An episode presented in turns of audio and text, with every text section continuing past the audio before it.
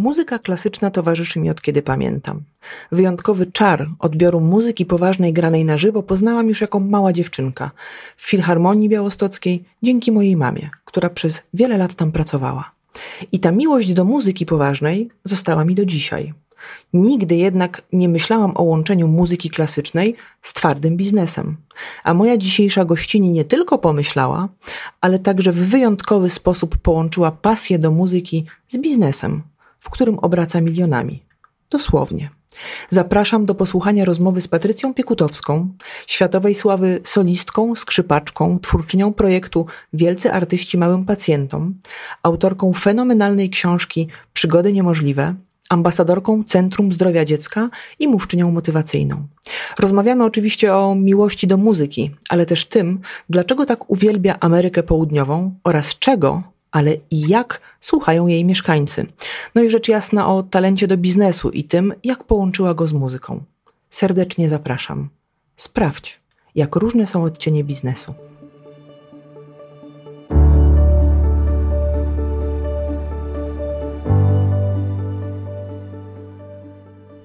Dzień dobry. Witam w kolejnych odcieniach biznesu. Dziś moim wyjątkowym gościem jest pani Patrycja Piekutowska, doktor habilitowana, solistka, skrzypaczka, twórczyni projektu Wielcy Artyści Małym Pacjentom, ale również ambasador Centrum Zdrowia Dziecka i mówca motywacyjny. I zapomniałam o jednej rzeczy, autorka książki Przygody Niemożliwe. To jest chyba ostatnie, najmłodsze dziecko. Dzień dobry pani Patrycjo. Dzień dobry, bardzo miło. Dziękuję za zaproszenie. Mam nadzieję, że niczego nie pominęłam, bo tych ról, które pani pełni, jest całkiem sporo. A ja chciałabym zacząć tę naszą rozmowę przekornie nie od książki, która jest, mam wrażenie, najmłodszym pani dzieckiem, ale to tylko dlatego, że na książkę czekam, bo zamówiłam i czekam, aż ją otrzymam, więc jeszcze nie czytałam. Natomiast słyszałam kilka fantastycznych recenzji i chyba na początek mogę zrobić reklamę. Ja jestem podekscytowana tym, co otrzymam, bo wręcz każdy rozdział opatrzony jest kodem QR, pod którym możemy znaleźć utwór. Czy to prawda? Tak, jest to pierwsza książka, która ukazała się w Polsce właśnie w takiej konwencji, kiedy się czyta i słucha muzyki, ale jest to bardzo ściśle wszystko ze sobą powiązane, przemyślane i cała książka, która jest jakby moją autobiografią, tylko w bardzo humorystycznym ujęciu i takim, nawet powiedziałabym, z dreszczem emocji w niektórych historiach, które opisują moje rzeczywiście niemożliwe przygody głównie podczas wyjazdów artystycznych na pięciu kontynentach. Natomiast do każdej z 22 historii jest przypisany QR kod z linkiem do utworu z jednej z moich płyt. Zmieściło się tam prawie trzy godziny muzyki, więc jest to bardzo dużo. I nie ukrywam, że ogromną radością dla mnie, bo był to mój debiut, jeżeli chodzi o napisanie książki, choć tekst jest mi chyba tak samo bliski jak muzyka, bo ja dużo piszę i dużo myśli ubieram w słowa, głównie w mediach społecznościowych, ale jednak też w różnych innych formach. Jest to dla mnie ważne i z takiego domu też pochodzę, w którym słowo odgrywa ogromną rolę. I powiem szczerze, moment, kiedy ktoś wpadł na ten pomysł, żeby dołożyć do tej książki QR-kody, przywiódł mi na myśl taką korelację sztuk. Tutaj akurat tej sztuki pisania i sztuki muzycznej. Natomiast Najbardziej cieszy mnie odzew, bo w tym momencie to już jest prawie 1200 sprzedanych książek i ponad 350 jakichkolwiek informacji zwrotnych od czytelników, takich pisanych z własnej inicjatywy, czy przez LinkedIn, czy przez Facebook, czy przez Messenger, czy maile, czy SMSy od tych, którzy znają mnie osobiście. Natomiast ludzie potrafią pisać na pół strony A4 wrażenia z tej książki, a w każdym z tych listów jest właśnie zawsze informacja o tym, jak fantastycznie słucha się muzyki podczas czytania danej historii, a te utwory są ściśle powiązane z tym, że one właśnie wybrzmiały na danym koncercie, wokół którego coś tam niemożliwego się wydarzyło. Także cieszę się bardzo, że to odgrywa rolę, bo to znaczy, że jednak ludziom muzyka jest potrzebna, bo tam jest bardzo dużo muzyki klasycznej.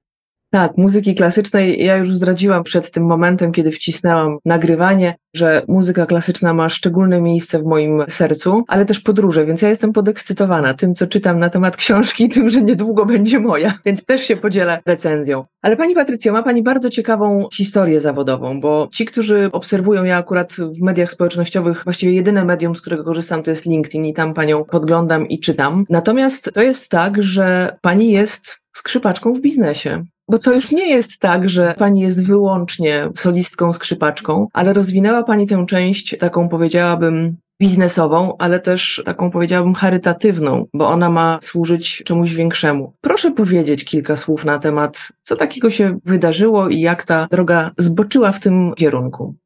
To było dokładnie 8,5 roku temu, kiedy Mój starszy synek, dzisiaj prawie czternastolatek, był po trzeciej operacji na otwartym sercu, ponieważ urodził się z wadą serca, o czym wiedziałam jeszcze wcześniej. I całe jego życie od początku, które nie było jakimś dramatem, bo ludzie sobie wyobrażają tam dziecko z wadą serca, to non-stop coś się dzieje. Nie, nie. To jest tak, że między operacjami on funkcjonował jak absolutnie każde inne normalne dziecko, natomiast no, przy tej wadzie, czyli wadzie zastawek, to jest tak, że co jakiś czas, no niestety trzeba w tym sercu naprawiać w miarę upływu czasu, który mija od narodzin i to serduszko rośnie. I powiem szczerze, że moment, kiedy ja zrozumiałam, że scena już nie jest tym, czym była dla mnie od kiedy na niej stałam zawodowo, czyli jakoś od myślę 21 roku życia. Zawodowo, bo u mnie w zawodzie jest troszkę inaczej. To nie jest tak, że dopiero jak się kończy studia, to się zaczyna coś, tylko to się dzieje wszystko dużo wcześniej. I równolegle się studiuje, równolegle się już koncertuje. Natomiast Sytuacja związana z jego trzecią operacją, która odbyła się zdecydowanie wcześniej niż miała się odbyć, bo on po prostu bardzo urósł i różne rzeczy się tam pozmieniały, doprowadziła mnie do punktu, kiedy ja po prostu przestałam się czuć na scenie spełniona. Przestałam mieć świadomość, że to jest to, co jest w moim życiu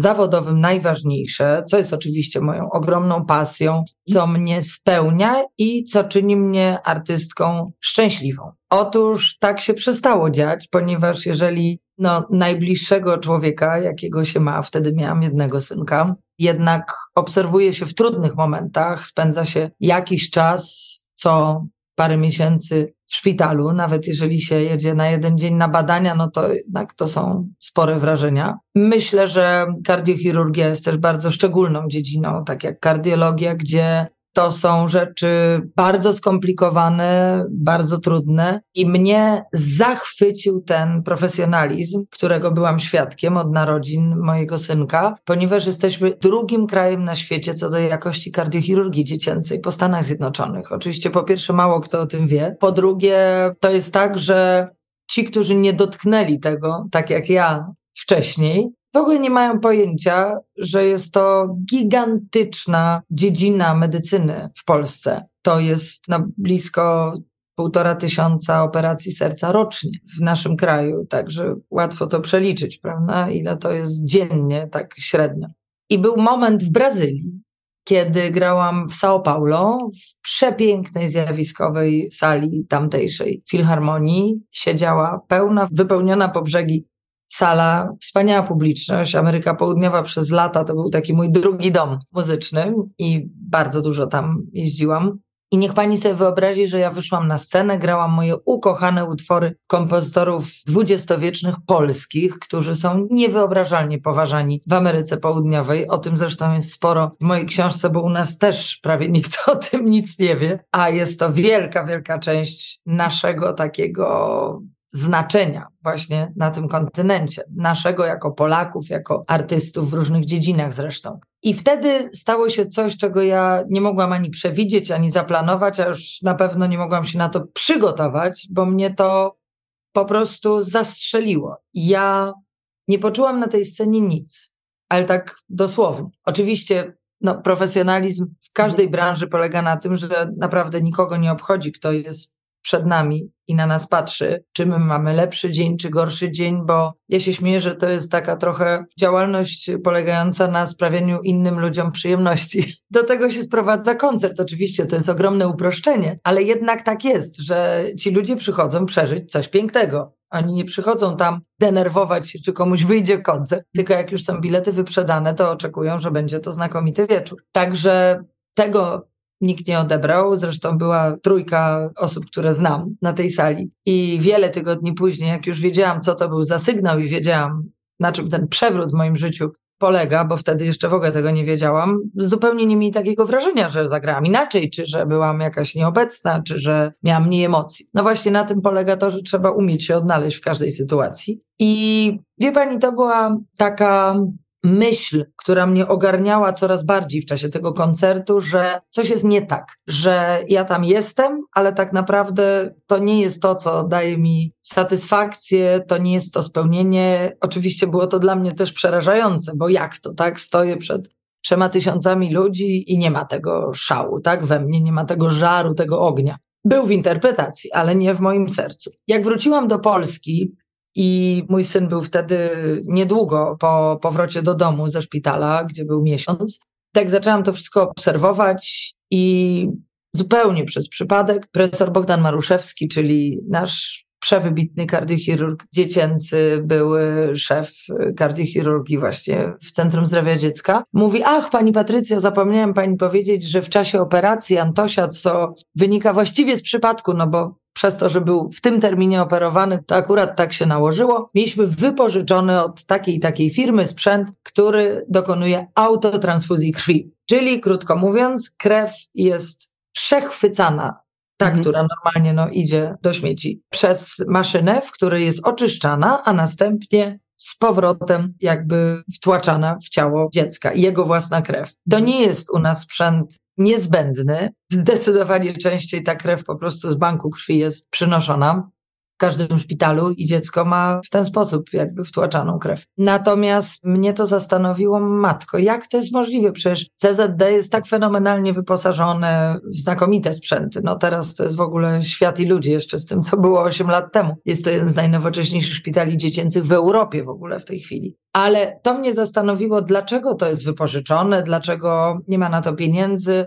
Okazało się, że to właściwie było bardziej przypadkowe, bo niektóre fundacje kupowały ogromne sprzęty lub dużo sprzętów mniejszych. Rządowe pieniądze szły na inne sprzęty, no jakoś po prostu tego nie było w żadnych planach zakupowych. I to był taki impuls, to był po prostu jeden moment, gdzie ja stwierdziłam: ojej, przecież to jest bardzo niesprawiedliwe, że mój syn i te dzieci przez te trzy czy cztery tygodnie, które akurat wtedy były operowane, mogły z tego skorzystać, a inne dzieci no nie będą już z tego skorzystać.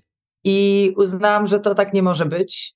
I wtedy postanowiłam załatwić na to pieniądze. Udało mi się to w dwa miesiące, to było jakieś tam 30 tysięcy euro. Uderzyłam do przeróżnych moich znajomych ze świata biznesu, do firm, i wtedy zaczęły się dziać właśnie rzeczy niemożliwe. Ja już mam w planie drugą książkę, która będzie opisywała moje przygody związane z projektami remontowymi i medycznymi, bo to jest w ogóle coś. Czyli biznesowymi bardziej. Tak, biznesowymi i taka psychologia przekonywania, coś hmm. takiego. Bo to jest coś, co ja uwielbiam i co stało się no, moją absolutnie równoległą pasją, bo zajmowałam się tym aż prawie, Jezus Maria, teraz sobie uświadamiam, że to już 8 lat, to kawał czasu.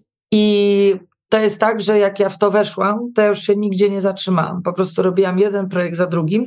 Wczoraj miałam taką ciekawą rozmowę wieczorem z jedną z bliskich mi osób w życiu, że ja chyba mam potrzebę robienia wszystkiego za bardzo. Dużo mnie to kosztuje, ja się na tym bardzo spalam, ale tak jak dzisiaj rano się obudziłam, to stwierdziłam, że ja po prostu inaczej nie potrafię. Znaczy, ja wchodzę w coś albo 200%, albo mnie tam nie ma bo nie umiem. Nie umiem być na pół gwizdka i nigdy taka nie byłam. To jest oczywiście męczące, bo ja cisnę dotąd, dokąd coś załatwię, no ale to jest też bardzo skuteczne. Poza tym ja nie zabieram się za rzeczy, które są nierealne. Zabieram się też za rzeczy, które nie idą, ale tego się nauczyłam w trakcie. Natomiast tamta historia zapoczątkowała też ten mariaż właśnie biznesu działań na rzecz szpitali dziecięcych i muzyki, bo jak już załatwiłam pieniądze na ten sprzęt, to sobie w ogóle nie mogłam wyobrazić, żeby tego jakoś pięknie nie opakować w sztukę. I wtedy rozpoczęłam cykl pierwszy mój, który się nazywał Otwarte serca mistrzowie muzyki, biznesu i kardiochirurgii dzieciom. Był to zamknięty cykl na imienne zaproszenia dla mniej więcej 300 osób, ale już wtedy no, z wysokiej półki biznesowej. I tak to się zaczęło. Tylko, że ja te koncerty robiłam co trzy miesiące, a pieniędzy szukałam pomiędzy, bo koncerty były tylko i wyłącznie podziękowaniem. Przepiękna historia, natomiast parę wątków sobie tutaj wynotowałam. Chcę zwrócić uwagę na to, że jest Pani kolejną kobietą, która powiedziała w, także w moim podcaście, że jej się udało. Ja mam poczucie, że oczywiście można mówić, że coś się udało przy okazji, natomiast tu mamy do czynienia z, no nie chcę powiedzieć morderczą pracą, ale z ogromnym zaangażowaniem, z wkładaniem całego serca. Powiedziała Pani, że robi Pani za bardzo. Ja to akurat rozumiem, bo ja również nie potrafię robić czegoś po troszku. No, mam z tym problem także, albo cała, albo wcale, więc na pewno nie udało się tylko po prostu zrealizowała Pani fantastyczny projekt, który był okupiony pracą, zaangażowaniem, sercem i wiele pewnie innych czynników grało tu rolę. Ale powiedziała Pani również, że nie angażuje się Pani w projekty, które nie idą. Chciałabym o to dopytać. Co to znaczy projekt, który nie idzie? Już mówię, to jest moje odkrycie z minionych trzech lat, ponieważ po tamtym całym cyklu urodził się mój drugi synek, więc zupełnie w inną stronę jakby się przeniosły moje priorytety, całe moje życie. Ja zostałam na dwa lata z moimi dziećmi. Nie mówię zostałam w domu, ponieważ absolutnie się tak nie stało, bo lataliśmy po całym świecie, nawet byłam z moimi dziećmi. W Australii, o czym jest ostatni rozdział w mojej książce, niesamowicie mrożący krew w żyłach, ale też bardzo śmieszny. Natomiast sama z siedmiomiesięcznym i siedmioletnim synkiem 18 dni w Australii, proszę mi uwierzyć, jest to spore wyzwanie, ale wtedy uznałam, że absolutnie wszystko jest możliwe. Znaczy ja już mogę jechać z nimi wszędzie, w każdej konfiguracji. Jeszcze dwa koncerty zagrałam w tej Australii, ale tam mieszka na szczęście moja mama chrzestna, która co prawda no, nie była przyzwyczajona do opieki nad dzidziusiem, i skończyło się to dość trudno, ale nie zdradzam, bo wszystko jest w książce. Wracając do tej sytuacji a propos tego, co nie idzie, to później, jak mój młodszy synek miał półtora roku, rozpoczęłam ten mój ukochany cykl Wielcy artyści małym pacjentom. Tak naprawdę potęga, bo to jest, to mogę bez wstydu powiedzieć, że był to, bo teraz odbył się ostatni koncert, bo ja wychodzę z założenia, że pewne rozdziały w życiu trzeba zamykać. Znaczy ja bardzo nie lubię długo tkwić w tym samym i ja często w życiu zmieniam. To tak uważam i taką mam potrzebę po prostu. Natomiast to, że to rozpocznie gigantyczną moją rolę jako kierownika remontów i fundraisera na skalę no, doszło do 8 milionów złotych bez żadnych zbiórek publicznych i żadnych zbiórek internetowych. Ja to zaznaczam, bo bardzo mi się podoba, jak widzę tam różne wystąpienia jakichś tam przeróżnych celebrytów. Ach, zebrałam w 4 dni milion. Nie, nie, słońce, nie zebrałaś w cztery dni milion.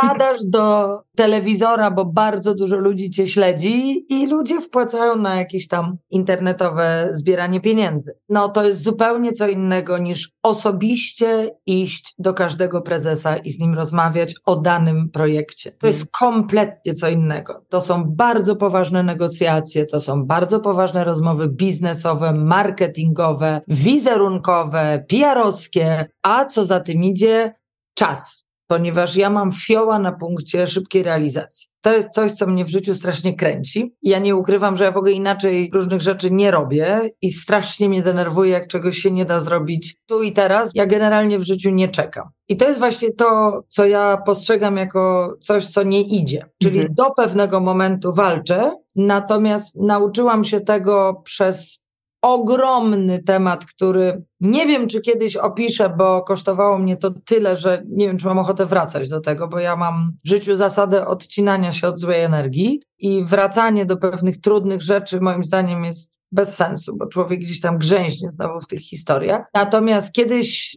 10 lat temu musiałam walczyć z bardzo nieuczciwymi ludźmi o prawa do mojej jeszcze niewydanej płyty, tuż przed jej wydaniem i to było 30 dni naprawdę walki po 24 godziny na dobę. Ja to wygrałam. Ja wydałam płytę w 4 doby od momentu wejścia do studia graficznego, bo wszystko trzeba było zaczynać od nowa, tylko było nagranie gotowe. I cztery dni później płyta stała w 196 empikach w Polsce na półce nowości. Dlaczego o tym mówię? Bo oczywiście zrobiłam to, wywalczyłam, Dzisiaj się bardzo cieszę, bo ta płyta spełniła ogromnie ważną rolę w moim życiu.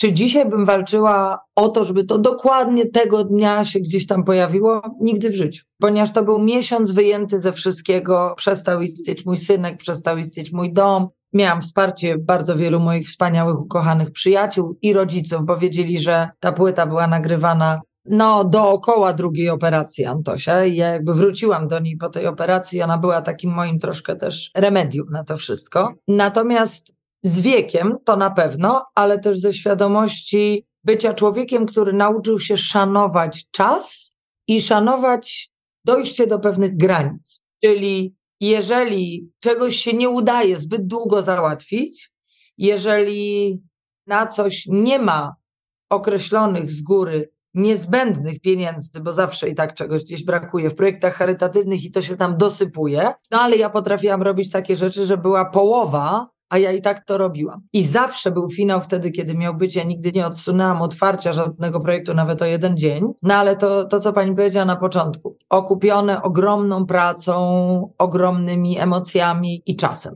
I myślę, że ja gdzieś tak w życiu zwolniłam na zasadzie takiej, że wchodzę w te projekty i w te rzeczy, które mając ogromne doświadczenie na różnych polach, jestem w stanie ocenić, czy one mają szansę powodzenia.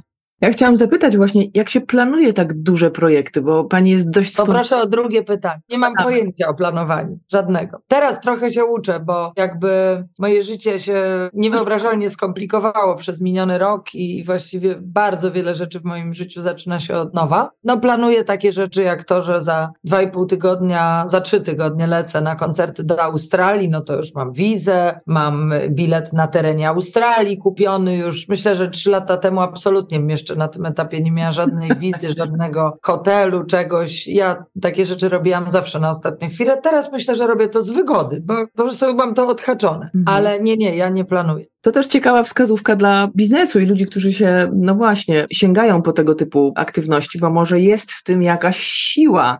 Ja uważam, że spontaniczność więcej buduje niż precyzyjny Excel jest w stanie zniszczyć. Tak, Excel się przydaje. Ja też może nie jestem jakąś specjalną fanką, chociaż pracowałam przez wiele lat w logistyce, ale chciałabym wrócić trochę do tego, co Pani wspomniała o Ameryce Południowej, bo wiem, że to taka część świata wyjątkowo bliska Pani sercu. I mówiła Pani o tym, no właśnie, jak jest tam odbierana muzyka polska. Właściwie to chciałabym zapytać, z jakim repertuarem tam pani występuje, bo wyobrażam sobie, że nie wiem, Górecki, Lutosławski. No właśnie, co tam się gra i jak to jest przyjmowane? Niezwykle mnie to ciekawi, bo jednak kulturowo to bardzo odległy nam kontynent. To prawda, ale tylko kulturowo myślę pod kątem takich wyobrażeń, bo tak hmm. naprawdę jest to kontynent, na którym od Punta Arenas w Patagonii przez Buenos Aires, Montevideo, Santiago de Chile, La Serena w Chile, Ekwador, Boliwię, Wenezuelę, Brazylię. Tam wszędzie co roku brzmi polska muzyka współczesna. I wie pani, to jest coś takiego, że jak się to wie od 22 lat, bo 22 lata temu wylądowałam pierwszy raz w życiu w Buenos Aires koncertem w całości poświęconym właśnie muzyce polskiej XIX i XX wieku i zobaczyłam po prostu coś, o czym mi się nie śniło. I tak już zostało. Ja byłam 29 razy w Ameryce Południowej. Niestety nie mogę podtrzymać pani wątku, co ja teraz tam gram, bo nie byłam tam już dawno, ale właśnie wracam po bardzo wielu latach z takim, mam nadzieję, większym turnę w marcu.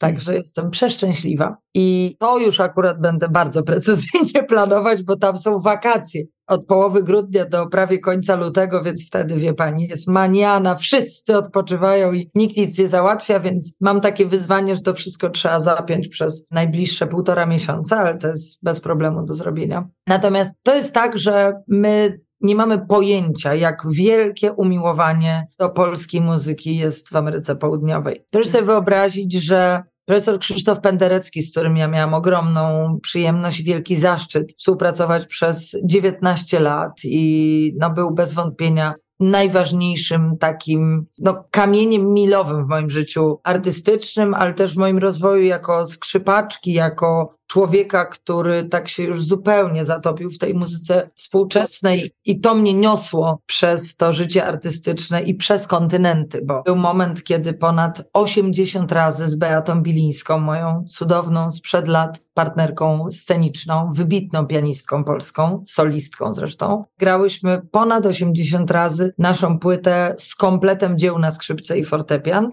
w takich miejscach jak Buenos Aires, Pekin, Irlandia, no w niezliczonej ilości miejsc w Polsce, Nowy Jork, Waszyngton. I wszędzie, wszędzie, wszędzie ten Penderecki jest uwielbiany, uwielbiany. Poziom edukacji ludzi od małych wręcz miasteczek do wielkich metropolii mhm. południowoamerykańskich jest niewyobrażalny. Znaczy u nas to jest średniowiecze, bo u nas to jest taka bańka elit, tak? Umówmy się, no ile by tych filharmonii nie było, a mamy ich 21, ile by festiwali nie było, no to nie jest podsiadło na narodowym, tak? I no moim zdaniem to się nie wydarzy, bo my nie mamy takiej kultury po prostu. Znaczy mieliśmy kiedyś, ale już nie mamy. I te czasy, kiedy program Bogusława Kaczyńskiego o operze, prawda, miał 4 miliony oglądalności, no to jest niemożliwe, bo dzisiaj żaden rolnik nie szuka żony przy muzyce klasycznej. Natomiast tam to jest kompletnie co innego. Tam właściwie wszędzie ta muzyka rozbrzmiewa. Większość uniwersytetów południowoamerykańskich ma sale koncertowe. Przecież u nas to jest rzecz, która się w ogóle nie dzieje. Chóry uniwersyteckie, no całe szczęście, że chociaż to i to znakomite, tak? I uniwersyteckie, i politechniki, i przeróżne. I to rzeczywiście w całej Polsce. No ale od chóru do orkiestry to jeszcze jest daleko, bo jak wiadomo, śpiewać każdy może. Ja oczywiście żartuję, ale no tak jest, że mamy świetnych ludzi wokalnie, natomiast tym rozumieniem tej sztuki i potrzebą chodzenia na koncerty, no to jest jeszcze w ogóle nie ten etap. Tam to jest część ich DNA, to jest coś, w czym oni żyją od dziecka. Na przykład to, co się dzieje w Wenezueli, co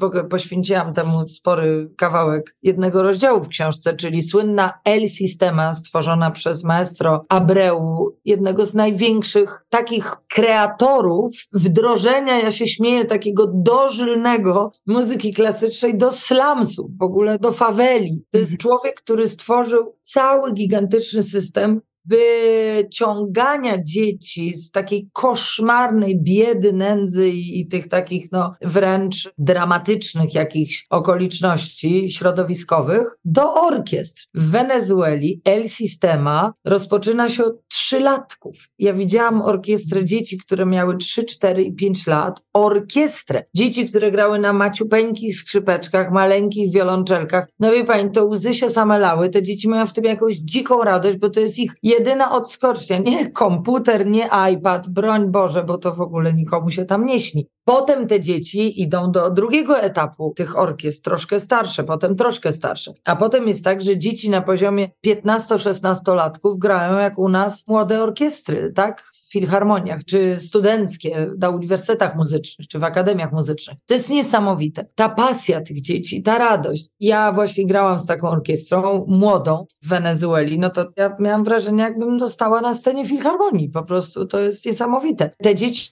rosną w tej sztuce. Oni grają bez przerwy koncerty, więc mają kontakt z publicznością, są doceniani, są szanowani. Ile istnień ludzkich zostało dzięki temu wyciągniętych właśnie z takich koszmarnych środowisk, oczywiście też jakichś bandyckich i złodziejskich, no bo to wszystko się tam dzieje wszędzie. To jest nie do opisania, no w ogóle sam Gustavo Dudamel, czyli jeden z największych światowych dyrygentów, najmłodszy w historii dyrektor artystyczny Filharmonii w Los Angeles, już pewnie tam to było z 15 czy 17 lat temu, ale no, no jedna z największych karier to jest właśnie najważniejszy wychowanek maestro Abreu, który był znikąd, no po prostu znikąd i się okazało, że no talent na miarę światową. To samo widziałam w Chile, w Punta Arenas. No niech pani sobie wyobrazi miasto, które jest najdalej wysuniętym miastem na stałym kontynencie na południe na świecie. No tam już się wydaje, że już tylko jest cieśnina Magellana i widok na ziemię ognistą, a tam jest sala koncertowa na 700 miejsc, Teatro Municipal, przepiękna sala, która co piątek się zapełnia do ostatniego krzesła. I są koncerty muzyki klasycznej bez przerwy i spektakle teatralne i koncerty churalne. No to jest jakiś obłęd. Wie pani, to tak jakby u nas gdzieś na końcu w Bieszczadach była sala koncertowa na 700 osób. Uważam, że to jest cudowne, że mamy Europejskie Centrum Muzyki Krzysztofa Pendereckiego w Lusławicach, wybudowane dzięki inicjatywie profesora i wspaniałym ludziom lata temu już, które też ma około 700 miejsc i też się zapełnia absolutnie po brzegi i ludzie potrafią nawet z Rzeszowa, z Opola przyjeżdżać. No Kraków jest najbliżej, Tarnów jeszcze bliżej,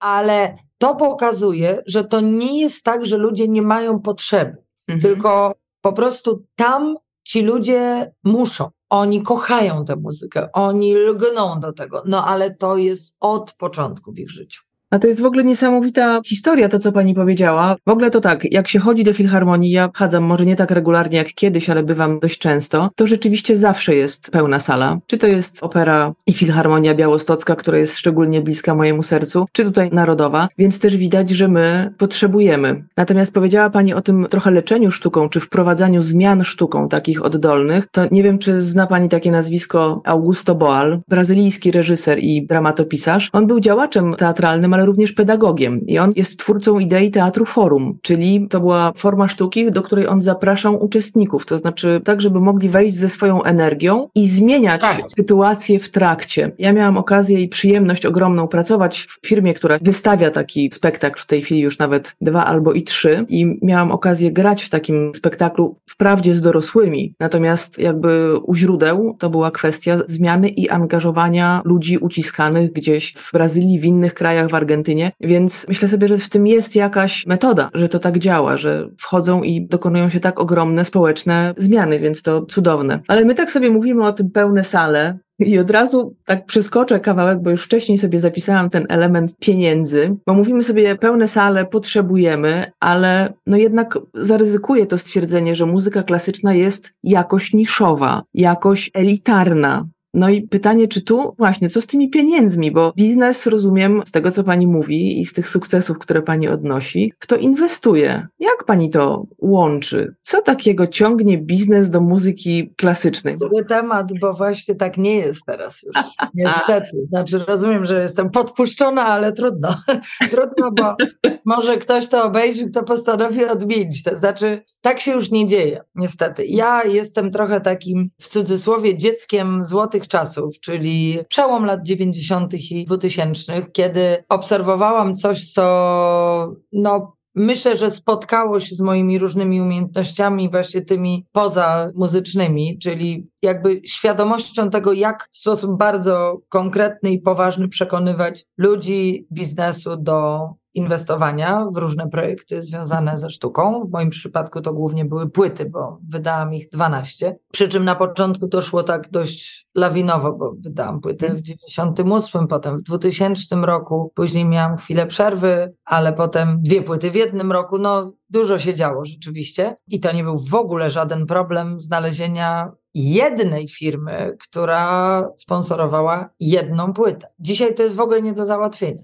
To znaczy, ja dzisiaj nie widzę, naprawdę nie widzę korelacji biznesu ze sztuką. To jest dość smutne, bo ja wyrosłam w takiej wierze, którą mogłam mieć dzięki temu, w czym funkcjonowałam, że dla świata biznesu to jest nobilitacja, pokazać się przy projektach związanych ze sztuką. Wie pani, ja byłam świadkiem pierwszego mariażu jednego z polskich banków z Filharmonią Narodową kiedy pierwszy raz bank był partnerem, już nie pamiętam, na chyba dwa albo trzy lata właśnie Filharmonii. No to było coś wspaniałego, tak? Bo dzięki temu zaczęli przyjeżdżać wielcy artyści, którzy no już nie jeździli jako do dzikiej ciekawostki, czyli kraju za żelaznej kurtyny, tylko jeździli do kraju absolutnie że tak powiem, kapitalistycznego. A później już do kraju, który jest częścią Unii Europejskiej. No ale w związku z tym musieli otrzymywać normalne honoraria, tak? No, normalne honoraria dla artystów z takiej wysokiej światowej półki, no to to jest minimum wtedy jakieś 15-20 tysięcy euro, tak? Więc no, żaden budżet jakby ministerialny no, nie dźwigał takich rzeczy. Zresztą na świecie jest to normalne. W Stanach Zjednoczonych 80% sal koncertowych jest współfinansowanych głównie dzięki donatorom. Są w Carnegie Hall w lożach tabliczki na fotelach wykupionych dożywotnio przez różnych ludzi. Niezależnie czy oni tam siedzą, czy ktoś inny, no to on za to zapłacił, bo współfinansuje od lat te sale. Tak to wygląda. Natomiast ja myślę, że nie dzieje się dobrze. Znaczy, ja jakby powoli sobie wracając na rynek muzyczny, ale na moich zasadach, ponieważ ten czas i to, że ja sama teraz decyduję o swoim życiu i to się już nigdy nie zmieni, jest dla mnie bezcenną wartością mm. i jest czymś, w czym ja się czuję bardzo dobrze, nawet jeżeli to trochę dłużej czasu zajmie, to ja nie chcę już być przez nikogo nadzorowana w swoim życiu w żadnej dziedzinie. I jest mi z tym super. W związku z powyższym mam różne pomysły. Chcę zrobić jakąś trasę w Polsce, chcę wydać nową płytę.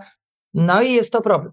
A ja naprawdę no, mam CV i możliwości marketingowe duże, więc zdecydowanie prościej jest zainwestować w kogoś takiego jak ja, no bo nie jest to debiut ani ktoś, co nie wiadomo, czy zyska przychylność publiczności, czy nie zyska. I to nic nie zmienia. Jest to temat trudny i właściwie myślę, że bardziej uda mi się zrealizować te projekty dzięki emocjom. Tak jak mój wylot do Australii, gdzie partnerem najważniejszym, czyli całej podróży, jest firma, ale poprzez to, że kobieta, która jest w zarządzie, po prostu się zachwyciła takim konceptem, żeby wejść w taki projekt. Nie musi tego robić w ogóle. Chce to zrobić. Mało tego, lecimy tam razem.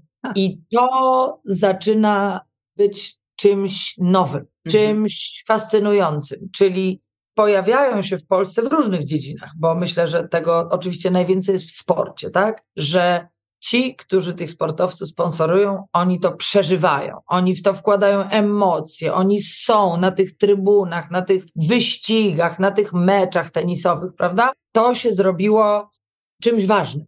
No, bo nareszcie Polska w różnych dziedzinach jest bardzo wysoko. I teraz to, że pojawiła się w moim życiu teraz taka osoba, poznałyśmy się dwa lata temu przy okazji moich różnych innych projektów, a jest osobą młodszą ode mnie, parę lat, pokazuje, że jest to zupełnie inna odsłona biznesu. To są ludzie, którzy chcą coś w życiu przeżyć. To są ludzie, którzy potrafią zadecydować, że chcą wydać pieniądze z tego powodu, żeby znaleźć się w innym świecie, poczuć te emocje, żeby zobaczyć, jak to wygląda. I to jest wspaniałe, bo ja na przykład mam taką zasadę, ja prawie nigdy, naprawdę to jest, może na palcach jednej ręki rozmawiałam z dyrektorami marketingów.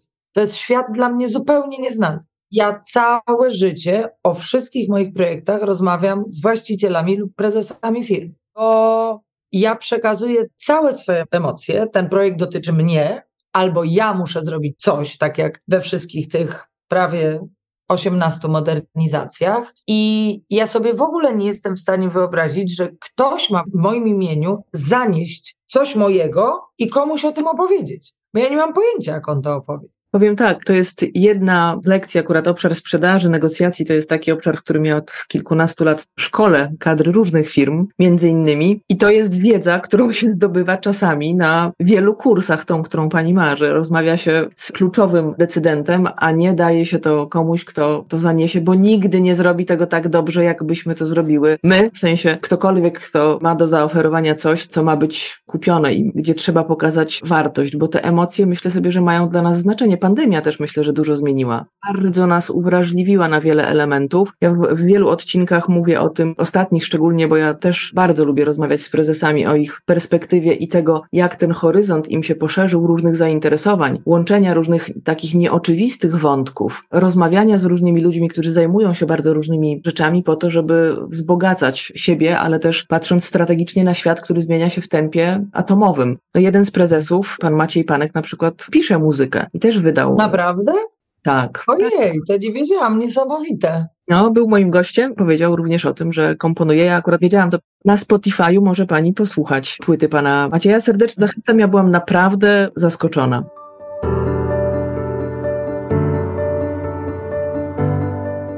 Chciałabym zapytać pani Patrycjo, co sprawia największą trudność w tych biznesowych relacjach. Mówię o takiej pani osobistej perspektywie osoby, która przecież nie poszła na kurs, nie wiem, z negocjacji, ze sprzedaży. Nigdy w życiu na żadnym kursie nie byłam. To i dobrze, to teraz już proszę nie iść, żeby tego nie zepsuć. Nie, nie, ja tego nie, mnie to nie interesuje w ogóle. Tak. Natomiast Wie pani, jak człowiek jest skuteczny i ma tak. Y, świadomość, że to wszystko funkcjonuje, to ja nie potrzebuję czyjejś wiedzy teoretycznej czy książek, bo, bo nie. No. Ja też będę o to pytać, bo jeszcze do tego dojdziemy, bo też pani jako mówca inspiracyjny przekazuje dużo wiedzy. Ja będę chciała do tego nawiązać, ale o tym za chwilę. Co jest taką z pani perspektywy największą trudnością? Z czym się pani mierzy, rozmawiając z twardym, dużym biznesem i też z tym męskim światem, bo rzeczywiście cały czas na stanowiskach. A mogę tak bardzo szczerze powiedzieć? Ale bardzo szczerze. Tak totalnie, także... Ale tak totalnie szczerze. Im proszę bardziej... wybaczyć, drodzy słuchacze, ale ja zawsze mówię szczerze. Ja nie mam żadnych trudności w takich rozmowach i praktycznie może pół procenta osób mi odmówiło kiedykolwiek. Ja z każdej rozmowy wychodzę z takim tekstem, no pani się nie da odmówić. Możecie państwo to odczytać nawet jako zarozumiałość. Trudno, ważne, że to działa. Ja przede wszystkim mam jedną wielką zasadę. Ja nigdy nie wchodzę do nikogo jako petent. Ja wchodzę jako partner w rozmowie, ponieważ jeżeli ja załatwiam sprawy, które nie są związane z moim zawodem,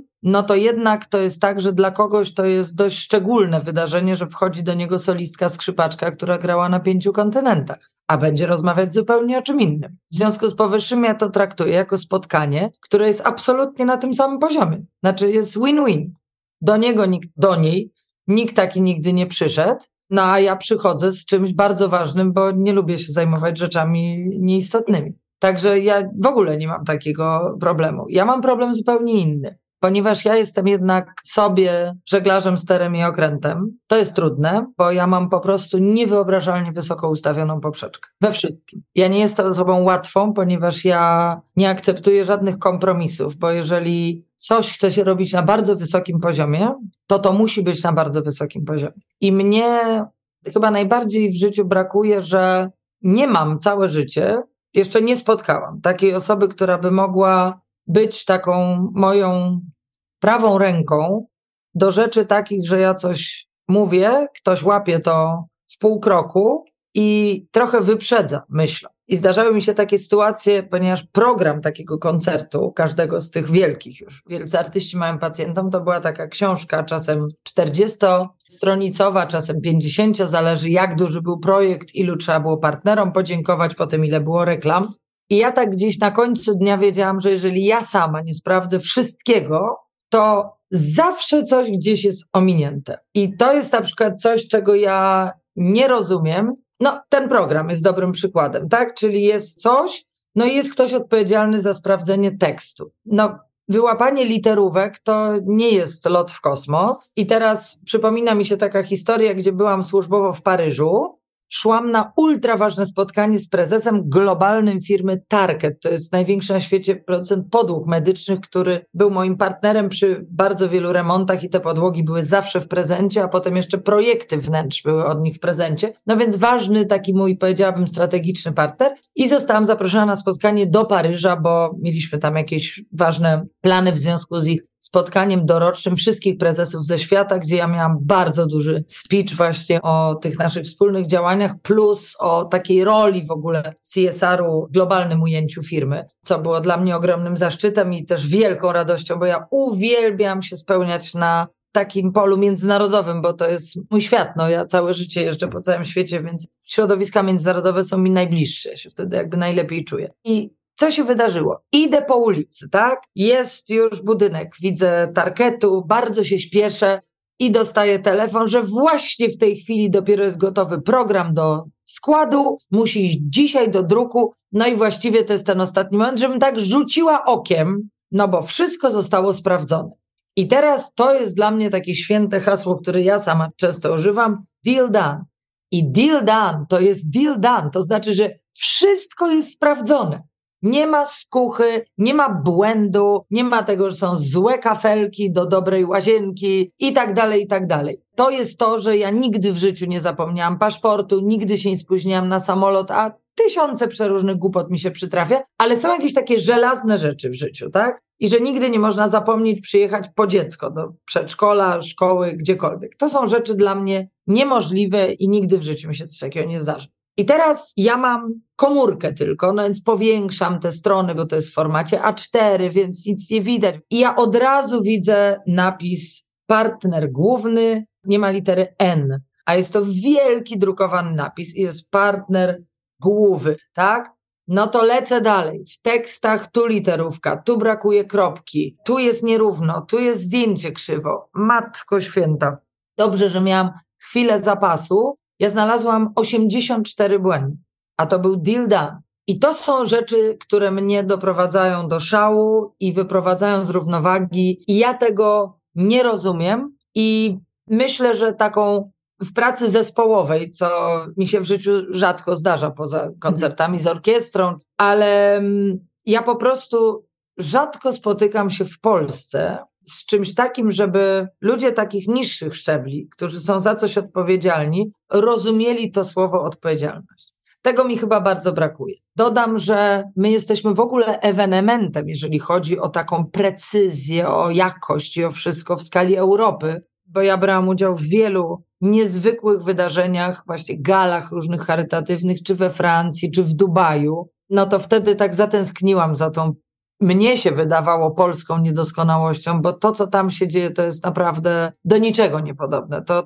wesele pod Grójcem by było zdecydowanie 100 razy bardziej dopracowane niż gala charytatywna w Dubaju w hotelu Ritz-Carlton, którą widziałam, gdzie tuż przed galą nikt nie mógł znaleźć konferencjera który rozpoczynał całą galę, ponieważ pokłócił się z kimś, zabrał rzeczy i poszedł. Po prostu poszedł. No to są rzeczy u nas niemożliwe, tak? Czyli ten brak odpowiedzialności jest w skali, myślę, nam nieznanej. Natomiast to jest chyba coś, czego mi najbardziej w życiu brakuje, czyli takich zaufanych ludzi wokół mnie, którzy by, krótko mówiąc, nadążali za mną. Natomiast wiem, że tym też ujmuję tych wszystkich szefów dużych firm, którzy no przez to, że tam są, oznacza, że są wybitni w tym, co robią, bo umówmy się, ale żeby zarządzać świetnie prosperującym biznesem, no trzeba być w tym znakomitym. I myślę, że oni widzą we mnie ten sam poziom oddania, profesjonalizmu i świadomości tego, co to znaczy. To jest słowo, którego ja nie lubię, ale jest to w biznesie słowo bardzo powszechne dowieść projekt. Ja mhm. zawsze dowożę projekty i myślę, że wszyscy o tym po prostu wiedzą. No ta różnica między panią a tymi prezesami, które zarządzają ogromnymi organizacjami, jest taka, że oni mają gigantycznie duże zespoły tak. i ludzi, która to robi. I niekoniecznie perfekcyjnie, bo tak czuję, że to jest ten perfekcjonizm, którym trudno jest pani pewnie dorównać. Ja chciałam zadać takie pytanie, czy pani to robi wszystko sama, natomiast po tym, co usłyszałam, to już się wycofuje. Ale powiedziała pani, nawet podkreślając, że spotyka się pani i z kobietami, i z mężczyznami. Widzi pani różnicę w tym, jak się, no właśnie, rozmawia o biznesie z kobietami i z mężczyznami? No przepastą, to znaczy ja chyba w tym roku mam takie jakieś rzadkie szczęście poznawania kobiet, które są ujęte jakoś tym, co ja robię i chcą być częścią jakichś moich projektów, ponieważ przez wszystkie minione lata było dokładnie odwrotnie. Znaczy kobiety albo mi odmawiały, albo jak się zapoznały z projektem, to uznawały, że jednak nie. No i przez te 8 lat z tych 240 kilku firm, pięć kobiet, mikroprocent. Nie chcę rozwijać tego wątku, bo szczerze powiem, ja nie mam jakiegoś takiego fioła właśnie na punkcie tam walki i wszystkiego. Ja jestem osobą absolutnie neutralną w tym, ponieważ dla mnie liczy się człowiek. Dla mnie to w ogóle nie ma znaczenia, z jaką płcią, że tak powiem, ja rozmawiam. Mnie pasjonuje w ludziach inteligencja, wiedza, błyskotliwość i przede wszystkim taka dobroć wewnętrzna, bo ja uciekam od ludzi przeźroczystych i takich sztucznych, pomimo jakby nie byli profesjonalni. Ja po prostu się nie umiem odnaleźć przy takich ludziach i myślę, że ja też wysyłam jakieś takie sygnały, że właściwie tacy ludzie się ze mną jakoś nie, to się nie łączy na szczęście. Ale są też takie sytuacje, że to, co powiedziałam na samym początku, dla mnie słowo odgrywa ogromną rolę, bo ja potrafię czasem przez telefon coś załatwić. Taki przykład bardzo, bardzo w sumie no, dla mnie był nawet trochę szokujący, bo nie było w Warszawie sali w jedynych możliwych terminach na ostatni koncert siódmy. Wielcy artyści mają pacjentom, oczywiście zrobiło się to bardzo skomplikowane i ktoś z moich znajomych przekazał mi namiary na członka zarządu firmy, która zarządza jednym z największych hoteli w Warszawie. Myśmy się w ogóle nie zdali, w ogóle nie wiedzieliśmy o swoim istnieniu. I przekazano mi wiadomość, że mam zadzwonić do tego pana,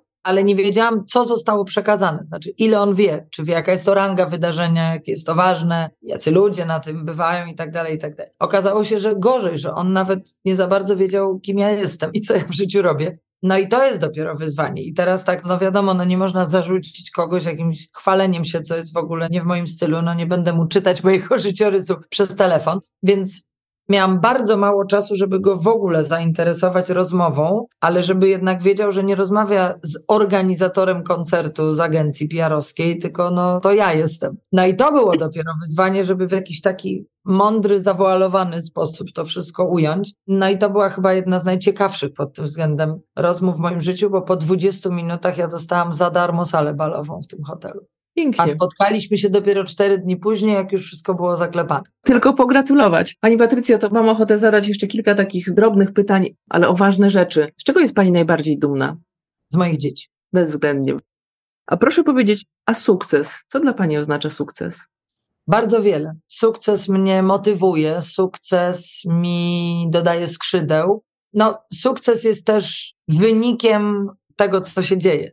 Czyli mhm ja tu przytoczę takie słowa, które bardzo często powtarzam, ale one są szalenie dla mnie ważne. Moja branża, bycie artystą, muzykiem, polega na tym i sprowadza się do tego, że to, czy się odniesie na scenie sukces, trzeba wiedzieć przed wyjściem na tę scenę, a nie w trakcie, bo wtedy już jest za późno. I ja myślę, że zupełnie podświadomie, bo po prostu w pewnym momencie przy właśnie różnych podcastach, przy różnych wywiadach, bardzo często padało to pytanie, dlaczego pani te rozmowy z tymi wszystkimi ludźmi kończą się sukcesem? I ja właściwie nie wiedziałam tak szczerze mówiąc dlaczego. No bo działo się dobrze, no to fantastycznie. Otóż, no nie, ja doszłam do tego. Bardzo dużo zaczęłam się zastanawiać, skąd to się u mnie wzięło. Zresztą tych paraleli z muzyką są dziesiątki. Mogłabym w ogóle osobną całą historię o tym opowiedzieć. Ale jeżeli chodzi o ten aspekt, to tak jest to świadomość, że ja przed czymś, co jest ważne i co zależy od tego, co ja powiem, czy jakie ja zrobię na kimś wrażenie, ja przed tym wiem, że to po prostu musi zadziałać i koniec. Ja nie wchodzę niepewna, ja nie wchodzę ze znakiem zapytania.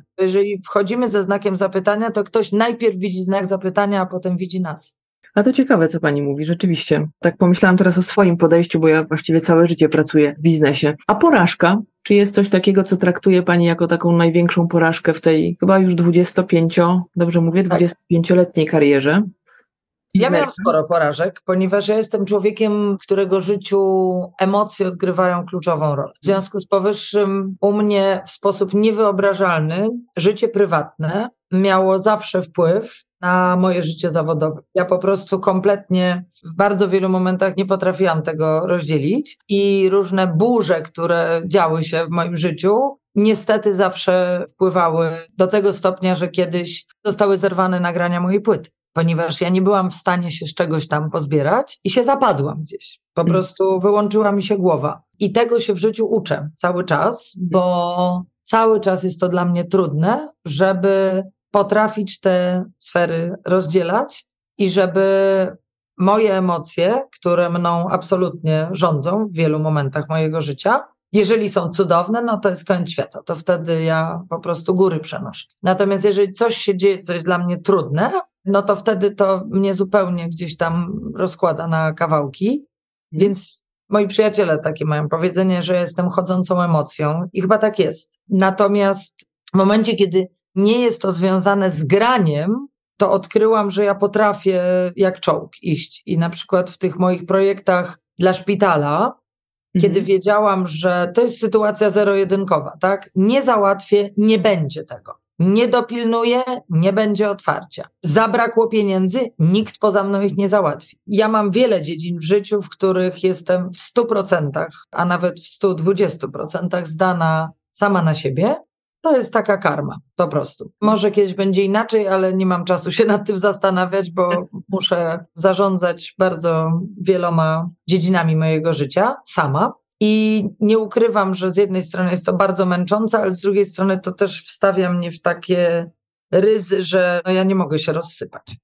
Czyli trzeba się cały czas trzymać w takich ryzach. Ale powiedziała Pani, że jest Pani chodzącą emocją. To jest ciekawe, bo żyjemy teraz w czasach i po pandemii te emocje mają ogromne znaczenie w biznesie. Ja bardzo dużo swojego czasu spędzam pracując w dużej mierze z osobami na wysokich stanowiskach w korporacjach. I to jest coś, w ogóle się teraz mówi, no kiedyś mówiło się nie bądź emocjonalny w biznesie. A teraz ten skrót Chief Executive Officer bardzo często zamieniają sobie niektórzy prezesi na Chief Empathy Officer albo Chief Empowerment Officer, tak jak jeden z prezesów dużego banku. I myślę sobie, że my w ogóle kładziemy tutaj bardzo dużo uwagi i znaczenia przywiązujemy do tych emocji i mówimy sobie, te emocje są zawsze i one zawsze były, natomiast teraz mamy na nie większą uważność, więc myślę sobie. Przyzwoleniem. Tak, że to jest taki zasób, z którego teraz może pani czerpać całymi garściami, więc myślę sobie, że to jest w ogóle fajny czas na rozwijanie skrzydeł w relacji, że tak powiem, biznesowej. Tak mi przyszło do głowy jeszcze w kontekście tej naszej początkowej rozmowy o pieniądzach, że w sumie mogłaby pani realizować takie koncerty jak, nie wiem czy nie przekręcę imienia, ale chyba Stiepan Hauser, prawda? Chorwacki wiolonczelista, który będzie chyba grał u nas w Polsce. I myślę sobie, że to będzie taki koncert trochę jak podsiadło że to jednak robi się taka, czuje Pani, że tam jest jakaś taka nisza? Wie Pani, ja taki projekt mam od 10 lat, który się nazywa My Journey, jest o światowych metropoliach. Jest to totalnie rozrywkowa muzyka, ja to uwielbiam. Tylko ja mam jakiś taki niefart w życiu do impresariów. Miałam impresaria w Ameryce Południowej przez wiele lat, miałam impresaria w Chinach przez 3 lata, gdzie byłam tam 12-13 lat temu, prawie 18 razy na przestrzeni dwóch i pół roku. Natomiast nie mam takiego czegoś w Polsce i nigdy nie miałam. I trochę żałuję, bo ten projekt, gdzie go nie zagram, to wszyscy są zachwyceni, bo to jest fajne, bo to jest o Paryżu, o Londynie, o Nowym Jorku, o Warszawie, o Brukseli, o Rzymie, o Monte Carlo z wizualizacjami z tych miast. Natomiast myślę, że największą prawdą poza muzyką, bo na tym koncercie ludzie i płaczą, i śmieją się, zarykują się ze śmiechu, jest to, że ja opowiadam moje historie z tych miast, które są w części już zawarte w tej książce, ale ostatnio zrobiłam coś takiego, że zostałam zaproszona na promocję książki okraszoną kilkoma utworami z tej płyty. I jest coś, czego pani w ogóle o mnie nie wie. Ja kiedyś zrobiłam monodram wystawiłam półtora godzinny monodram, który był dla mnie wielkim przeżyciem, ponieważ mnie zawsze bardzo ciągnęło do aktorstwa i miałam taki moment, kiedy w połowie dokładnie studiów na Uniwersytecie Chopina powiedziałam mojemu profesorowi, mając same szóstki ze skrzypiec i w ogóle tam szały się działy, że ja już dziękuję bardzo, ja idę do Akademii Teatralnej. I mój profesor w ogóle zwariował, bo to była, pamiętam, końcówka drugiego roku studiów, czy początek trzeciego, już nie wiem, ale Naprawdę, on po prostu włosy z głowy rwał. Mówi, dziewczyno, chyba oszalałaś, masz koncerty, tu, tam, latasz, jeździsz. Co ty w ogóle wyprawiasz? Jaka Akademia Teatralna? Ja powiedziałam, tak, ja w ogóle odchodzę, do widzenia. No to ze trzy tygodnie trwała taka przepychanka między nami, ale mnie jakoś tam zatrzymał. Ale to i jest gdzieś takie moje coś niespełnionego. Ja ten monodram, zresztą miałam taki zaszczyt, że w pierwszym rzędzie siedziała Maja Komorowska, Bożena Walter, różni ciekawi ludzie. Było prawie 400 osób i sprawiło mi to wielką radość, ale właśnie nikt nie potrafił tego dalej pociągnąć. I taka moja gigantyczna praca, no bo jednak półtorej godziny tekstu na scenie dla jednej osoby to jest dużo. Oczywiście to było przeplatane utworami, bo to było o jakiejś tam części życia skrzypaczki, solistki. To było zresztą specjalnie napisane na ten wieczór i mnie gdzieś ciągnie w takim kierunku. Jestem też osobą, która uwielbia się wygłupiać, śmiać. No właśnie teraz to, co zrobiłam dosłownie półtora tygodnia temu, mi dało tyle radości, ponieważ ja opowiadałam różne historie, których nie ma w książce, ale które są strasznie śmieszne i myślę, że są trudne do opisania, ale są bardzo łatwe do opowiadania. Ja mam taki dar opowiadania i lubię to robić. Zresztą zawsze się spełniałam wśród moich przyjaciół, bo to wszystko, co jest w książce, było naprawdę. Natomiast jak się o tym opowiada, no to wszyscy płaczą ze śmiechu. Mi się takie rzeczy dzieją bez przerwy w życiu. Tak naprawdę. W każdym tygodniu mi się coś wydarza. I ja zrobiłam sobie taki stand-up właściwie. Znaczy opowiedziałam jedną historię, ludzie się pokładali ze śmiechu, ponieważ to była historia, która się wydarzyła. Tam nie było żadnej konfabulacji. Ja uwielbiam ludzi rozbawiać i to jest myślę taki kierunek w moim życiu jeszcze trochę niespełniony, natomiast może nie Stadion Narodowy, bo to nie o to chodzi, ale ja marzyłabym zrobić takie coś na jakiejś dużej sali, ale właśnie by i gadać do ludzi, i grać, i zrobić taki show cały, bo ja się w tym bardzo odnajduję, a dla mnie no im więcej ludzi, tym lepiej, bo ja grałam na przeróżnych salach, to dla mnie nie stanowi żadnej różnicy, tylko jednak no ja trafiam do takiej półki ludzi, którzy muszą rozumieć, ja nie idę na podprogowym działaniu na prostych instynktach, bo ja opowiadam historię z całego świata. Wie pani, to jest też tak, że my jesteśmy bardzo zazdrosnym narodem. My lubimy brata łatę. Myślę, że na tym też polega ogromny sukces Dawida Podsiadło, że no jest artystą, który no nie skończył żadnej szkoły muzycznej, nie miał setek godzin lekcji wokalnych, prawda? On jest prawdziwy, on jest jednym z nich. To, że jego muzyka w sposób, ja go uwielbiam osobiście, trafia tak, że ja potrafię, nie wiem, utworu ciebie też bardzo słuchać dziesięć razy z rzędu i po prostu ja się w to zatapiam, gdzieś odjeżdżam, uwielbiam to, czy małomiasteczkowy. To są niebywałe hity, tak?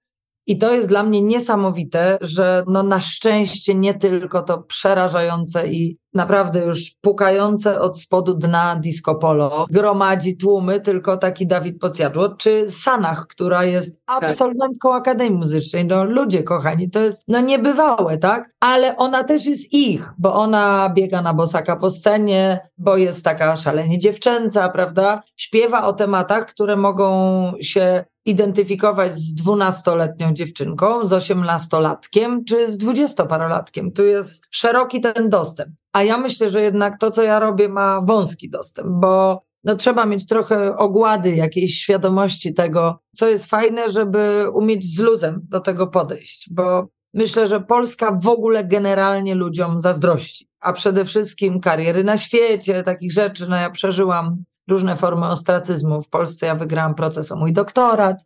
No, to są takie historie bardzo ciężkie. Przeżyłam to, że po nagrodzie Midem w Cannes przez trzy lata miałam zamknięte wszystkie drzwi wszystkich instytucji kulturalnych w Polsce. Trzy lata.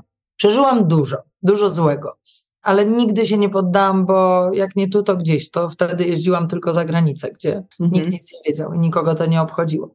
To jest niesamowite rzeczywiście, że ten element tej naszej polskości, on się pojawia i to czasami moi goście też o tym wspominają, że zamiast pchać tych, którzy, no właśnie, robią nam dobry PR w świecie. Bo nawet teraz ostatnio miałam taką okazję rozmawiać z osobą, która współpracuje, czy zna ten obszar świata tenisowego gdzieś blisko między innymi Igi Świątek. I jak usłyszałam, jak nie zdawałam sobie z tego sprawy, jak ogromna fala hejtu spada na tą młodą, tak niezwykle zdolną dziewczynę, to pomyślałam sobie, że to jest coś, co jest niezwykle trudne, to znaczy ja nie jestem w stanie tego zrozumieć, a później zadajemy sobie pytanie, dlaczego ci mądrzy, inteligentni i ludzie, którzy są specjalistami, uciekają z Polski i realizują projekty za granicą. Za granicą. Trochę jest to odpowiedź na to pytanie. No to zapytam jeszcze to, jakiej muzyki słucha Patrycja Piekutowska, bo ja rozumiem, że muzyki poważnej, ja też jej słucham. Myślę sobie, że dość dużo, pewnie ponadprzeciętnie dużo w stosunku do takiego przeciętnego Kowalskiego czy Nowakowej. Pewnie sporo ze względu na moje korzenie. Padła Sanach, padł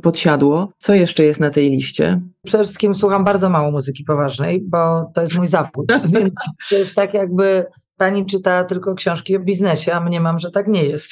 Niestety był taki moment, że czytałam tylko książki o biznesie i to jest straszne. No tak, ale to, żeby się doszkolić. Tak, ale ja też naprawdę lubię się rozwijać. To znaczy, ja czytam rzeczywiście książki z bardzo różnych obszarów, ale po to, żeby się wzbogacać, ale musiałam do tego dorosnąć. Miałam taki moment, że czytałam w zasadzie tylko i wyłącznie rzeczy, które były mi potrzebne w biznesie, bo na nic innego nie miałam czasu. Nie, ale to ja, Patrycja Piekutowska, nie słucha na co dzień muzyki poważnej. Ja głównie słucham muzyki w aucie, bo wtedy jestem sama i wtedy nikt mi nie mówi, co mam włączyć, co mam wyłączyć. I są to moje dzieci, które jedno chce tamto, drugie chce śpiewające, brzdące.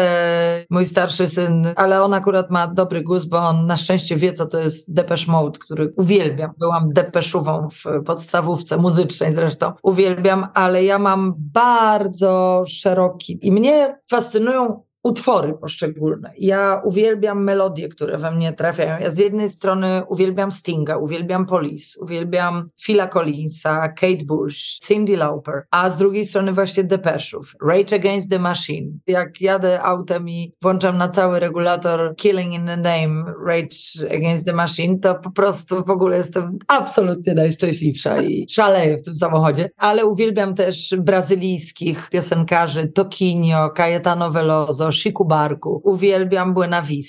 Uwielbiam też polski rock z lat 80., bo na tym się wychowałam i to jest coś mi szalenie bliskiego, ale też strasznie lubię muzykę taką densową z lat 90. Y, Bardzo lubię słuchać też współczesnych różnych polskich piosenkarzy. Niesamowicie lubię właśnie, znaczy Sanach podałam jako przykład, że to nie jest tak, że ja jej słucham, tak, ale jak leci różne fajne piosenki, to mi się to podoba, bo to jest dobre. Natomiast to nie jest tak, żebym sobie całą płytę kupiła, ale jak jest w radio, to mi to sprawia przyjemność. Natomiast bardzo lubię Darię Zawiałow. Nałogowo kiedyś słuchałam Ewy Demarczyk, Ewy Bem, taka była płyta The Best of Bemi Beck, którą uwielbiałam, Grzegorza Ciechowskiego. No dużo tego jest, dużo. Ja słucham bardzo różnorodnej muzyki i słucham, padają mi też taka jest piosenka My Way Kelvin Harris, którą mogę słuchać, nie wiem, 10 razy z rzędu, bo po prostu w samochodzie mi się jej dobrze słucha. Kiedyś byłam dziką fanką Michaela Jacksona, to przeniosłam na mojego starszego syna, jak miał 6 i 7 lat. Słuchał wyłącznie Michaela Jacksona, znał jego prawie 40 piosenek i tańczył, bo ma wielki talent do tańczenia, a jako dziecko w podstawówce słuchałam też wszystkich płyt Madonny, więc no dużo, dużo tego jest. Natomiast ja się chyba w ogóle najlepiej czuję przy latach 80. To mi się nigdy nie nudzi i nigdy mi nie jest źle przy tym. No, ale to jest trochę inny rodzaj muzyki. Ja też słucham takich staroci ponoć. Ale to jest zawsze dobre, no. Po prostu niezmiennie dobre. To proszę mi jeszcze powiedzieć, bo to jest taki kierunek, który jest nieoczywisty, pewnie dla bardzo wielu osób jest nieoczywisty. Jak skrzypaczka, solistka wychodzi na scenę i robi speeche inspiracyjne, a top managementów jeszcze mówi o roli lidera na przykładzie doświadczeń dyrygenckich albo o leadershipie w dbałości o własne wartości. Bo rozumiem, że sytuacje kryzysowe, bo taki speech jest też w pani portfolio, no to jakoś rozumiem, bo spodziewam się, że mogło być ich całkiem sporo, biorąc pod uwagę, że moja mama pracowała wiele lat w Filharmonii Białostockiej, ja to widziałam trochę od kuchni, więc wiem, jak wygląda organizacja koncertów. Sama dorabiałam sobie, wnosiłam kwiaty na scenę jako dziewczynka, właśnie solistą i dyrygentą. To była moja pierwsza taka prawdziwa praca, za którą dostawałam jakieś niewielkie pieniądze, ale sprawiała mi ogromną, ogromną przyjemność. Ale proszę powiedzieć, kurczę, jak to jest z tym biznesem, jak ktoś taki jak pani dotyka tematów, skąd takie powiązanie, skąd taki pomysł i proszę powiedzieć trochę więcej o tej wartości, którą może Pani dać biznesowi. To się rozpoczęło właśnie przy okazji tego, jak byłam prezesem fundacji, najpierw jednej, potem drugiej, na rzecz modernizacji w Centrum Zdrowia Dziecka, bo zaczęto mnie zapraszać właśnie na takie wystąpienia w tej konkretnej sytuacji. I pamiętam, że był taki moment, kiedy na jakimś dość dużym kongresie czy kongresie, czy konferencji dla kobiet biznesu, to było w Polinie, więc tam było, nie wiem, pewnie z 500 osób, powiedziano mi, że ktoś musi mnie przyszykować do tego wystąpienia. I ja sobie myślałam, o matko, jak to przyszykować? No bo to trzeba umieć robić. Ja nie za bardzo zrozumiałam o co chodzi. Rzeczywiście była bardzo miła pani, która mi mówiła, że najpierw porozmawiała o czym ja chcę mówić, Potem mi to poustawiała, że ja miałam mówić o tym, o tamtym, w takiej kolejności, tu jakieś napięcie zrobić, tu jakichś słów użyć, tu coś. I to był chyba najbardziej stresujący i na szczęście jedyny w tym wymiarze speech w moim życiu, których od tamtej pory, a było to lat temu pewnie ze cztery, zrobiłam jakieś 70, 80. I dlaczego stresujący? Bo ja się czułam, że to jest w ogóle nie moje. Że ja staram się cały czas pamiętać, o czym ja mam mówić, po czym, co ja miałam tam zrobić, jakie napięcia zbudować, jaką intonację głosu, jak mam ręką machać, nie machać, przejść w prawo, przejść w lewo. Jezus Maria, to był dla mnie jakiś koszmar. To znaczy, wypadło bardzo fajnie, ale mnie to kosztowało po prostu. Znaczy, ja nie wiem, czy wypadło fajnie. No fajnie, bo ludzie bili brawo, ale to nie byłam ja. I właśnie mnie się no nie za bardzo da w jakiekolwiek ramki włożyć, bo ja gdzieś tam uciekam z tego. I myślę, że moją największą siłą w tych speechach jest to, że ponieważ ja potrafię używać nasz piękny język i potrafię w języku odnajdywać to, co jest mi niezbędne, czyli on jest dla mnie narzędziem do wyrażania myśli, do opowiadania o czymś, ale też do dzielenia się moimi emocjami w sposób taki, który dla mnie jest ciekawy, bo jeżeli to jest tak jak z graniem, jeżeli nas porywa to, co my gramy, to porywamy wtedy innych. Natomiast jeżeli my się cały czas zastanawiamy, mówiąc nad tym, co mówimy, a nie wynika to z pasji, z tego, że wiemy, o czym mówimy i w trakcie ta rozmowa jest przez nas moderowana w takich kierunkach, jakich oczekuje publiczność, bo no ja mam gigantyczne doświadczenie, jeżeli chodzi o odbieranie emocji z sali, no więc ja zmieniam różne kierunki. Nie wiem, chciałam pójść tu, idę gdzie indziej, bo czuję, że to będzie lepsze, żeby bardziej nakręcić atmosferę albo bardziej ją z kolei stonować. No różne rzeczy się dzieją w trakcie takich wydarzeń, dlatego ja bardzo nie lubię wystąpień online, bo ja muszę czuć tą publiczność, ja muszę widzieć tych ludzi, widzieć te reakcje, czy oni się uśmiechnęli, czy się nie uśmiechnęli, czy się zamyślili, czy się wzruszyli. No to jest bardzo ważne. I ja dopiero jak gdzieś postanowiłam powoli już odchodzić z tej mojej działalności charytatywnej, co było odcięte tym moim wypadkiem zeszłorocznym, czyli złamaniem nogi w sześciu miejscach, bardzo ciężką operacją, dwoma miesiącami na wózku inwalidzkim i czasem, który nagle po prostu życie mi dało na talerzu i powiedziało: Dziewczyno, masz czas i zastanów się, po co to się wszystko wydarzyło, bo ja wierzę, że nawet jeżeli jest to ciężka rzecz, to się dzieje po coś po prostu. I powiem pani, że tematy, bo tam 12 aż tych tematów mi się w głowie poukładało, wynikają stąd, że ja nazwałam rzeczy, którymi ja się zajmowałam od lat. Tylko ja ich po prostu nigdy nie nazwałam. No bo po co mi to było? No przecież nie będę się zastanawiać. Dzisiaj idę sprawdzić, czy ja mam umiejętności rozmawiania w temacie negocjacji. Nie, idę załatwiać z jakimś wielkim prezesem, nie wiem, tysiąc metrów kafelków, albo 500 metrów kwadratowych podłogi medycznej, albo to, albo tamto. Jest cel do zrealizowania, ale jak ja to realizowałam, no to to realizowałam i już ja się nad tym nie zastanawiałam. Natomiast ten czas, który miałam, pozwolił mi właśnie na zastanowienie się nad tym, ile tych rzeczy już się wydarzyło w moim życiu i tak naprawdę na ile bardzo ciekawych tematów można to podzielić. Dlaczego uwielbiam rozmawiać z biznesem? No bo robię to od 25 lat. To nie jest tak, że to się wzięło dopiero przy projektach charytatywnych. Ja bardzo dużo rzeczy robiłam na styku biznesu i kultury przez właściwie całe moje życie artystyczne. Każde załatwianie płyty, każde załatwianie pieniędzy, potem wymyślanie promocji tej płyty, zaprzęganie w tej firmie ludzi, którzy będą potrafili właśnie dopełnić ten projekt pod kątem marketingu tak, że to ja wiem, co zrobi na ich klientach wrażenie. No oni nie wiedzą, bo na przykład w życiu w taki projekt wcześniej nie weszli. Więc to też mnie fascynowało. A ten cały leadership, no ja się gdzieś tym liderem po drodze stałam. Mnie tego nikt nie uczył. Ja liderem byłam na scenie, no bo jestem solistką, ale żeby pociągnąć za sobą ludzi, no i rzeczywiście jakoś tego się zrobiło bardzo dużo, bo przecież to nie są tylko ci szefowie tych firm, ale to są ludzie, którzy potem to wszystko dalej rozkręcali, coś się z tym działo. Poza tym angażowanie też ogromnej ilości ludzi w samym szpitalu, bo przecież trzeba było czasem przenosić jakieś części gdzie indziej, koordynować. No i myślę, że ta wielowątkowość pozwoliła mi też na te 12 tematów. Ten temat kobiet, który mam dla kobiet. To co mhm. ciekawe, takiej propozycji jeszcze nigdy nie dostałam. Mówiłam pani, to nie jest taki prosty temat z tymi kobietami w moim życiu. A ja mogę dwie godziny opowiadać o tym, jak łączyć życie zawodowe z prywatnym, żeby nie zgubić balansu w tym, albo jak się zgubi, żeby go z powrotem odnaleźć, albo żeby nie uznać, że no jak już jest mamą, to jest najważniejsze na świecie jedyne i to nie ma znaczenia, że my nic nie robimy, bo jest to absolutna bzdura, bo też musimy być potem dla tych dzieci jakimś role model, tak, żeby te dzieci potem nie uznały, że no trzeba w domu siedzieć, bo wszystko, co robimy jest jak gąbka wchłaniane przez te nasze tak. dzieci. Czy dla osób, które nie mają dzieci z kolei przez współpracowników, z którymi blisko współpracują, tak, że jakieś modele, w których tkwimy, no są zawsze mniej lub bardziej groźne, jeżeli następują bezrefleksyjnie. I mi się pojawiło w tym bardzo dużo wątków, ale też takie tematy związane w ogóle ze świadomością drugiego człowieka na jakimkolwiek polu, że jednak po drugiej stronie jest zawsze człowiek. I jak ja sobie przypomniałam, w wielu konfliktach strasznych ja brałam udział, no bo taka jest moja branża, niestety tam co chwilę się coś źle dzieje,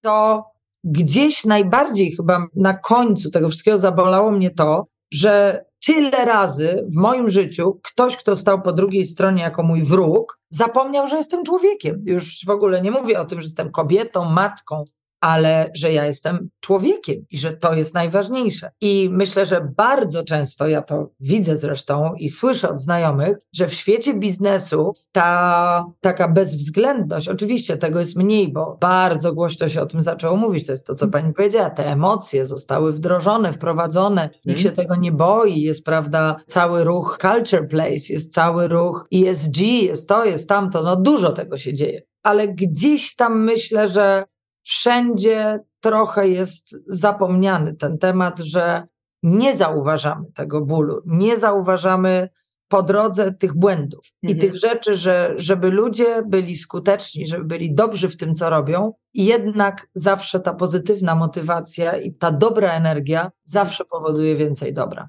To prawda, natomiast też dotknęła Pani tematu refleksji. To już nie jest takie proste, bo nie wszyscy mają taką skłonność, ale chciałabym, żeby ten nasz świat zmieniał się w kierunku bardziej pozytywnych emocji i tego, żebyśmy, tak powiem, mogli dawać to, co mamy najlepsze, bo ja głęboko wierzę w to i też przewartościowałam sobie w którymś momencie swoje życie zawodowe i widzę, jak się robi coś tak naprawdę z serca, z wnętrza, na poziomie swoich osobistych też wartości, to naprawdę realizacja i cele przychodzą dużo szybciej. Znaczy, to jest coś, co nas pcha, to jest tak potężna siła, siła, ta pozytywna energia potrafi zmieniać świat w sposób niesamowity. Więc daj Boże, żeby teraz jakaś taka zmiana też w kontekście politycznym w naszym kraju, myślę sobie, że dla bardzo wielu Polaków, jak się okazało, jest istotna, więc zobaczymy, jak ten świat wokół się będzie zmieniał. Wszystkich swoich gości pytam na koniec o dwie rzeczy, chociaż mam wrażenie, że o cieniach to już pani powiedziała przed chwilą, ale zawsze proszę o polecenie książki. Ja na początku poleciłam pani książkę, jeszcze jej nie czytając, natomiast nie znalazłam żadnej złej recenzji i widziałam, że jest już w przygotowaniu, w związku związku z tym niebawem ją otrzymam. I bardzo polecam, bo to połączenie muzyki z książką myślę sobie, że będzie rodzajem magii i ogromnej przyjemności. Ale czy jest coś takiego, co pani mogłaby polecić moim słuchaczom? Po co warto sięgnąć? Bo czytamy bardzo różne rzeczy i przyznam się szczerze, że od kiedy robię program, przeczytałam tak wiele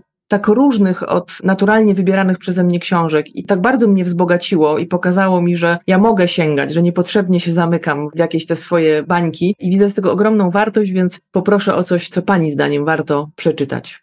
Może uda mi się Panią zaskoczyć, ponieważ ja niestety ze względu na wielość wątków w moim życiu mam mało czasu. Od niestety ostatnich dwóch, trzech lat na czytanie książek, bo po prostu jestem w ciągłym ruchu gdzieś, a każdą chwilę, kiedy mogę odpocząć, staram się zasypiać. I śpię w samolotach, śpię w pociągach, którymi rzadko jeżdżę, bo teraz już w ogóle z tą nogą to jest niewygodnie. Natomiast to jest czas, który blisko już jest w moim życiu, bo po prostu mi tego brakuje, ale przychodzi mi na myśl taka fenomenalna książka, którą podsunął mi mój ojciec, który jest takim moim guru w życiu, jeżeli chodzi o mój rozwój intelektualny poprzez różne narzędzia, czyli poprzez wiedzę o historii sztuki, o malarstwie, o literaturze, o teatrze. I myślę, że to jest coś, co szalenie człowieka rozwija, mhm. jak jest młody. I jest autor, który dzisiaj myślę jest zupełnie niepopularny i to nie wiem, czy ktoś w ogóle to czyta. Natomiast mój tata mi podsuwał książki ze swojej młodości, fenomenalne. I nie wiem, czy pani zna taką książkę zatytułowaną Powiedzmy Gantenbein Maxa Frischa. Nie. Jest to na niezwykłym poziomie intelektualnym, takiej przewrotności życia i odgrywania pewnej roli przed całym światem fantastycznego bohatera, który właśnie nazywa się lub nie Gantenbein, stąd tytuł, bo jest to myśl, ten mhm. tytuł książki, jego myśl. I powiem szczerze, że to jest książka, która niesamowicie dużo pokładów wyobraźni we mnie otworzyła, i bardzo, bardzo, bardzo polecam. Sięgnę z ogromną przyjemnością po tej recenzji. Chciałam bardzo serdecznie podziękować. Myślę sobie, że mogłabym zadać jeszcze wiele, wiele pytań, ale nie chciałabym nadwyrężać czasu. Może będzie jeszcze okazja do kolejnego spotkania. Bardzo serdecznie dziękuję za morze inspiracji i życzę, żeby ten czas, kiedy pootwierały nam się serca i głowy, był takim czasem, w którym będzie Pani jeszcze lepiej, jeszcze efektywniej łączyła świat sztuki z biznesem i niech te 8 milionów rzeczone się pomnaża. Sięgajmy po kulturę, bo myślę sobie, że to jest ważne, uwrażliwiające. Życzę bardzo wielu sukcesów i pięknie dziękuję za dzisiejszą rozmowę.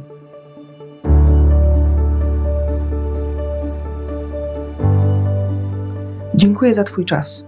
Mam nadzieję, że nasza rozmowa była dla Ciebie inspirująca. Jeśli Ci się podobała, udostępnij ją znajomym Zostaw lajka i zasubskrybuj, aby nie umknął Ci żaden odcinek. Będzie mi miło, jeśli podzielisz się swoją opinią. Napisz kilka słów recenzji. To dzięki Tobie mogę się rozwijać i trafiać do szerszego grona odbiorców. To dla mnie ważne i bardzo Ci za to dziękuję. Już dziś zapraszam Cię na kolejny odcinek. Sprawdź, jak różne są odcienie biznesu.